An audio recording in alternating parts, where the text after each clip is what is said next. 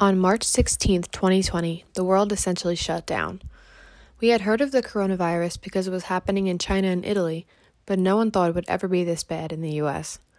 K 12 schools, colleges, restaurants, and stores all shut down.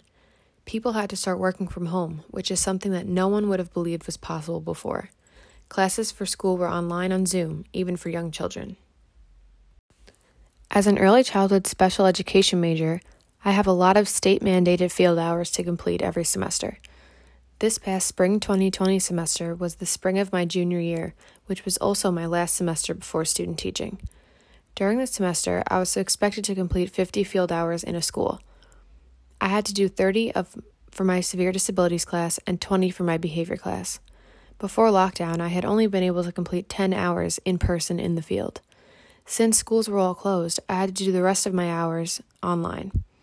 I watched 40 hours worth of case studies recorded in the early 2000s on VHS tapes and had to write a paper on paper about what I saw. This was nothing compared to what I was supposed to be doing in person in the schools. That semester was supposed to be the biggest learning experience for me with children with different disabilities, and I did not receive any of that experience. I'm expected to student teach 10 weeks of general education in the fall, and the odds of that happening are looking slim due to COVID. The closing down of colleges and schools due to this virus was and still is problematic for everyone involved, and especially special needs populations. Today, we're going to be talking about the effects of remote learning on special needs school children. IEPs are individualized education plans for students with special needs.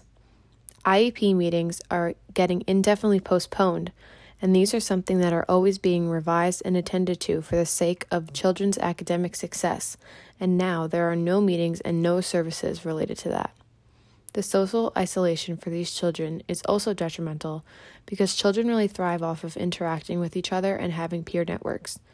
Children learn and develop social skills and behaviors through interaction with other children their own age, and due to COVID, children are at home not interacting with peers and not in school learning and playing. The COVID 19 pandemic puts children with special needs out of services for six plus months, which is an extremely long amount of time and can lead to a lot of delays in these children. A lot of children with special needs find comfort in routines. When that routine gets broken, their anxiety goes up and they tend to behave differently.